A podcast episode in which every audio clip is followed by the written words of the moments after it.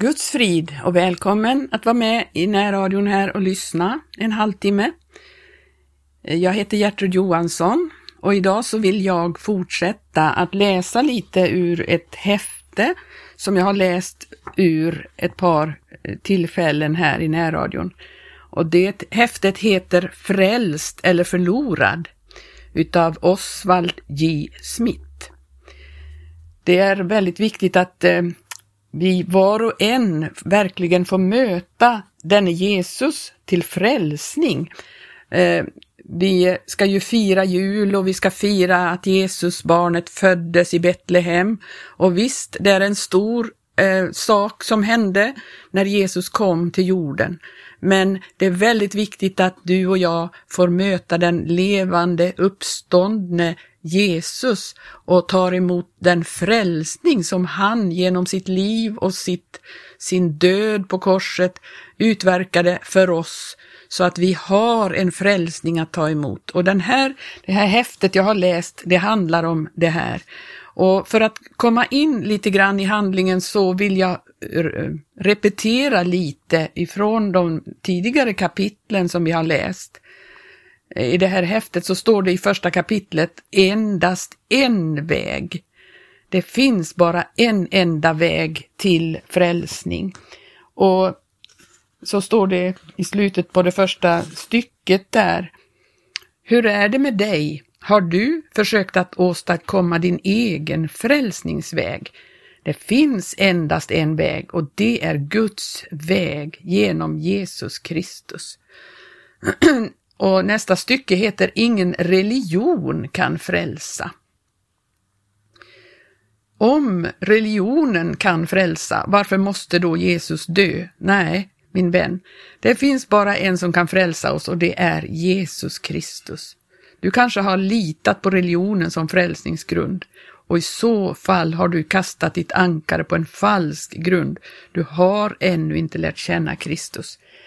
Och nästa kapitel eller stycke heter att ingen moral kan frälsa. Det finns många människor som tror att de är frälsta därför att de lever ett exemplariskt liv och förlitar sig på sin moral. Men det är omöjligt att detta kan eh, vara nog inför Gud. Och gärningar kan inte frälsa heller. Massor av människor tror att de kan bli frälsta genom goda gärningar. Man praktiserar botövningar och självförsakelse, delar ut allmosor och beder och så vidare. De tror att de kan genom gärningar. Men Gud tillräknar rättfärdighet utan gärningar, icke av gärningar. Och lagen kan inte frälsa. Det finns de som tror att de blir frälsta genom att hålla de tio budorden, men Jesus sa, ingen av er håller lagen. Du kan inte hålla alla buden och det vet du mycket väl. Och eh, om du skulle kunna hålla det resten av ditt liv, ja men hur är det med det som var före du bestämde dig för detta? Han tog din synd, han bar den i sin kropp och på korset och nu erbjuder han dig liv och hälsa, evigt liv. Och det finns bara en som kan frälsa dig och det är Kristus, står det i det nästa stycke här. Det finns inte något klarare påstående i Bibeln. Frälsning fås inte genom någon annan än Jesus. Och Guds, Guds erbjudande måste accepteras, säger nästa stycke här. Och nu är ditt frälsningstillfälle. Nästa kapitel heter Du är varnad och varningen består i att vi, du vet att eh, enligt Guds ord att alla kommer inte att bli frälsta. Den är eh, ingen, det finns ingen universell frälsning, frälsningen är individuell. Några kommer att bli frälsta och andra går förlorade. Var på din vakt och låt ingen bedra dig.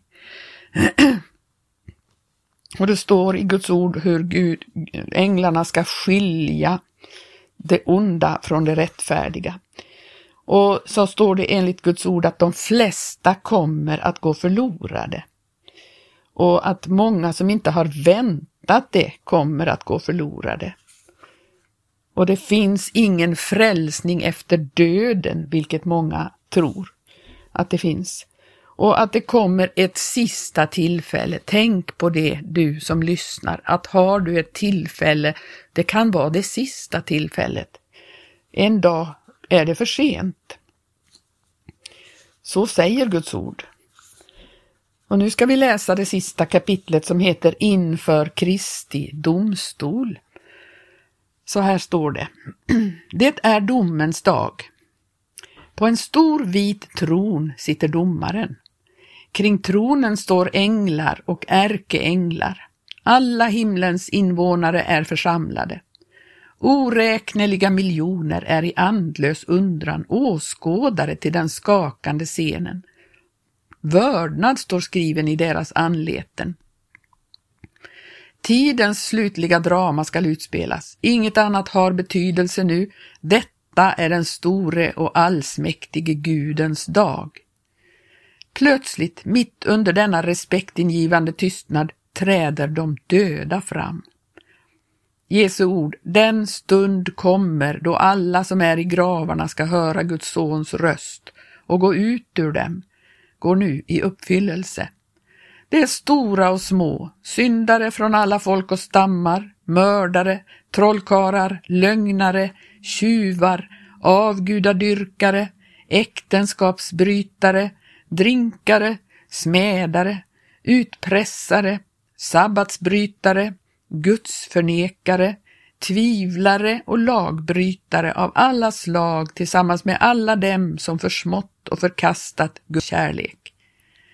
De kommer från jordens många kyrkogårdar där de har legat gömda och glömda i århundraden, från alla slagfält runt omkring i världen och från havens djup.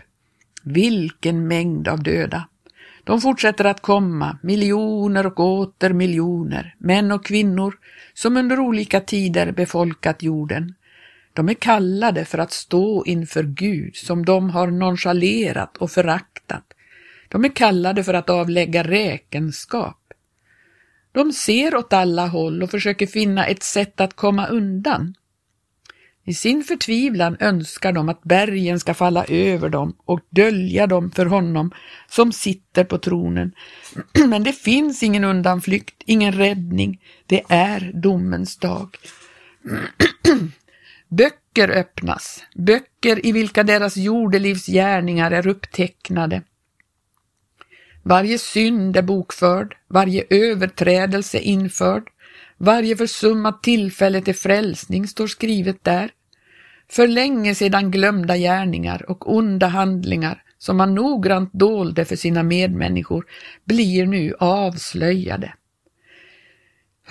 Hela universum lyssnar till de fasansfulla avslöjandena.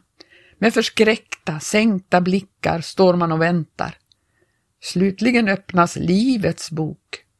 Och om någon icke fanns skriven i Livets bok så blev han kastad i den brinnande sjön, står det i Uppenbarelseboken 20 och 15. Det är nu inte längre fråga om stora eller små synder. Alla är lika mycket skyldiga. Man har bara en enda tanke, en enda fråga. Är mitt namn skrivet där? Detta är aposteln Johannes beskrivning av domens dag. Så här skriver han. Och jag såg en stor vit tron och honom som satt därpå, och för hans ansikte flydde jord och himmel, och ingen plats blev funnen för dem. Och jag såg de döda, både stora och små, stå inför tronen, och böcker blev upplåtna. Och jämväl en annan bok blev upplåten, det var Livets bok och de döda blev dömda efter sina gärningar på grund av det som var upptecknat i böckerna och havet gav igen de döda som voro däri och döden och dödsriket gåvo igen de döda som voro i dem och dessa blev dömda var och en efter sina gärningar. Uppenbarelseboken 20, 11-13. Detta är den fruktansvärda och allvarliga beskrivningen av Guds den allsmäktiges dag. Beskrivningen kommer inte från en människas fantasi utan från den eviges uppenbarelse genom en Herrens tjänare. Min vän, ska du stå inför den vita tronen? är du fortfarande ofrälst? I så fall, låt dig varnas idag innan det blir för sent. Vet du inte att du ska dömas? Guds ord säger tydligt, alltså skall var och en av oss inför Gud göra räkenskap för sig själv. Ingen kan framträda i ditt ställe. Ej heller kommer du att dömas för någon annans synder. Du måste personligen svara. Och med mindre du är frälst kommer du en dag att stå inför Kristi domstol. Inget, inget är så säkert som domens dag. Denna ödesdigra dag är för länge sedan bestämd av den allvetande guden. Bibelns blad förutsäger klart och tydligt den slutliga avgörelsens stund för mänskligheten. Och varje dag för oss närmare och närmare Kristi domstol, där böckerna skall öppnas och varje människoliv ska belysas av Guds helighet. Domens dag kan inte bortförklaras. Det finns allt för många bibelställen rörande denna sanning. I Apostlagärningarna 17, 30 och 31 heter det nu bjuder han människorna att de allestädes ska göra bättring, ty han har fastställt en dag då han ska döma världen med rättfärdighet. Hebreerbrevet 9.27 säger, det är människorna förelagt att en gång dö och sedan dömas. Därför, låt dig inte vilseledas. Domens dag kommer och det blir ingen möjlighet att komma undan för den ofrälste. Människor kan ändra sina beslut men inte Gud. Sin bestämmelse att döma världen kommer han inte att ändra på. Och om du inte har tagit emot hans nåd och frälsning genom Jesus Kristus kommer Gud att kalla dig fram inför den stora vita tronen den dagen. Syftet med Kristi domstol är inte att ransaka, pröva eller utreda om vi är skyldiga eller icke skyldiga. All vår skuld är redan känd av Gud. Men domen kommer att uppenbara och manifestera vårt eviga öde. Den som icke tror, han är redan dömd, läser vi i Johannes 3 och 18. Den ofrälste har domen ständigt vilande över sig. Han är lik en brottsling som blivit prövad och dömd skyldig och som sitter i sin dödscell och väntar på domens verkställande. Syftet med Kristi domstol är att verkställa den redan uttalade domen, att bortvisa den dömde till den brinnande sjön, den plats som han själv har valt genom sin otro. Det är en noggrann dom. Allt är uppenbart för honom med vilken vi har att göra. Jesus säger, jag säger eder att för vart fåfängligt ord som människorna tala skola de göra räkenskap på domens dag. Och i Predikaren 12 och 14 läser vi Gud ska draga alla gärningar till doms när han dömer, allt vad förborgat är, är vad det är gott eller ont. Hjärtats mest hemliga tankar skall uppenbaras. Kan du uthärda den stunden? Finns det inte sånt i ditt hjärta som du inte ens vill att din bäste vän ska veta? Men den dagen, min vän, kommer hela universum att få veta alla hemligheter. Det är en rättfärdig dom. Ofta hör man människor uttala tvivel på det eviga straffet enligt Bibeln. Man finner det svårt att förena ett evigt straff med sanningen om Guds kärlek. Jag föredrar att falla tillbaka på Guds inspirerade ord som säger att han ska döma världen med rättfärdighet. Guds dom kommer att bli en rättvis dom. Skulle han som är hela jordens domare icke göra vad rätt är? Jag anser att det är bäst att lita på Gud i alla stycken, både när det gäller hans rättfärdighet och kärlek. Gud kommer att bevisa sin egen rättvisa.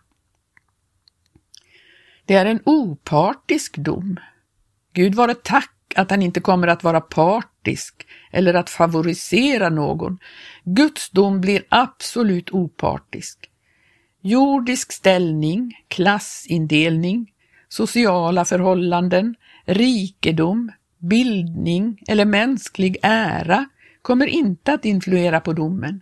I Guds ögon är alla lika, ty här är ingen åtskillnad. En slutlig dom. I denna världen är det ofta möjligt att vädja till en högre instans och få uppskov med domen, men inte inför Kristi domstol. Domen vid den stora vita tronen är den sista och avgörande. Kristi domstol är den högsta domstolen. Här finns inga möjligheter att appellera till någon annan eller att överklaga. Ett nytt tillfälle gives inte. Hur allvarligt är inte detta? Må du genom Guds nåd låta varna dig innan det blir för sent. Orsaken till domen Grunden till domen är människans attityd gentemot Guds son. Alltså inte en fråga om religion eller moral, utan om vårt förhållande till Jesus Kristus. Den som tror på honom, han bliver icke dömd, men den som icke tror, han är redan dömd, eftersom han icke tror på Guds enfödde sons namn. Den som har sonen, han har livet. Den som icke har Guds son, han har icke livet. Nåväl, säger du, jag har varit en trogen församlingsmedlem och levat ett exemplariskt liv. Detta svar har inte med frågan att göra. Säg, har du erkänt Jesus Kristus som din personlige frälsare? Den som tror på honom, han bliver icke dömd. Domaren. Domaren kommer att bli Jesus Kristus, barnet i Betlehems krubba, pojken från Nasaret, mannen från Golgata, Människosonen som kom till jorden för att lida och dö. Lyssna, icke heller dömer Fader någon, utan all dom har han överlåtit åt Sonen, står det i Johannes 5 och 22. Han, den som av Gud har blivit bestämd till att vara domare över levande och döda. Apostlagärningarna 10 och 42. Han ska döma världen med rättfärdighet genom en man som han har bestämt därtill. Apostlagärningarna 17 och 31. Och vidare, och han har åt alla givit en bekräftelse härpå i det han har låtit honom uppstå från de döda. En brottsling höll på att bli ihjälkörd av en bil, men en man sprang fram och räddade honom. Efter någon tid stod han inför rätta anklagad för grovt brott. Domaren var den man som hade räddat honom från döden. Brottslingen vädjade till honom och väntade att han skulle hjälpa honom. Den gången var jag er räddare. Idag är jag er domare, svarade domaren. Brottslingen dömdes i enlighet med sitt brott.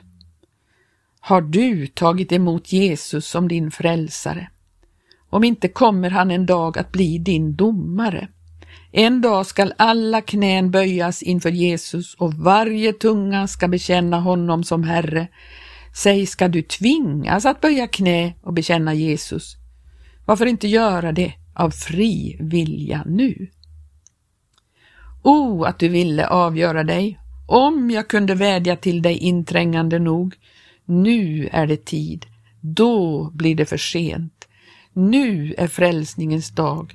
Då kommer domens dag. Nu är det hopp, då blir det hopplöst. Därför kom, kom nu. Gud välsigne dig som har lyssnat att verkligen ta emot Jesus som din personlige frälsare. Det finns ju tillfälle idag. Nu har vi läst den här boken och jag vädjar till dig, gör som det står i den. Ta emot Jesus idag. I Jesu namn. Amen.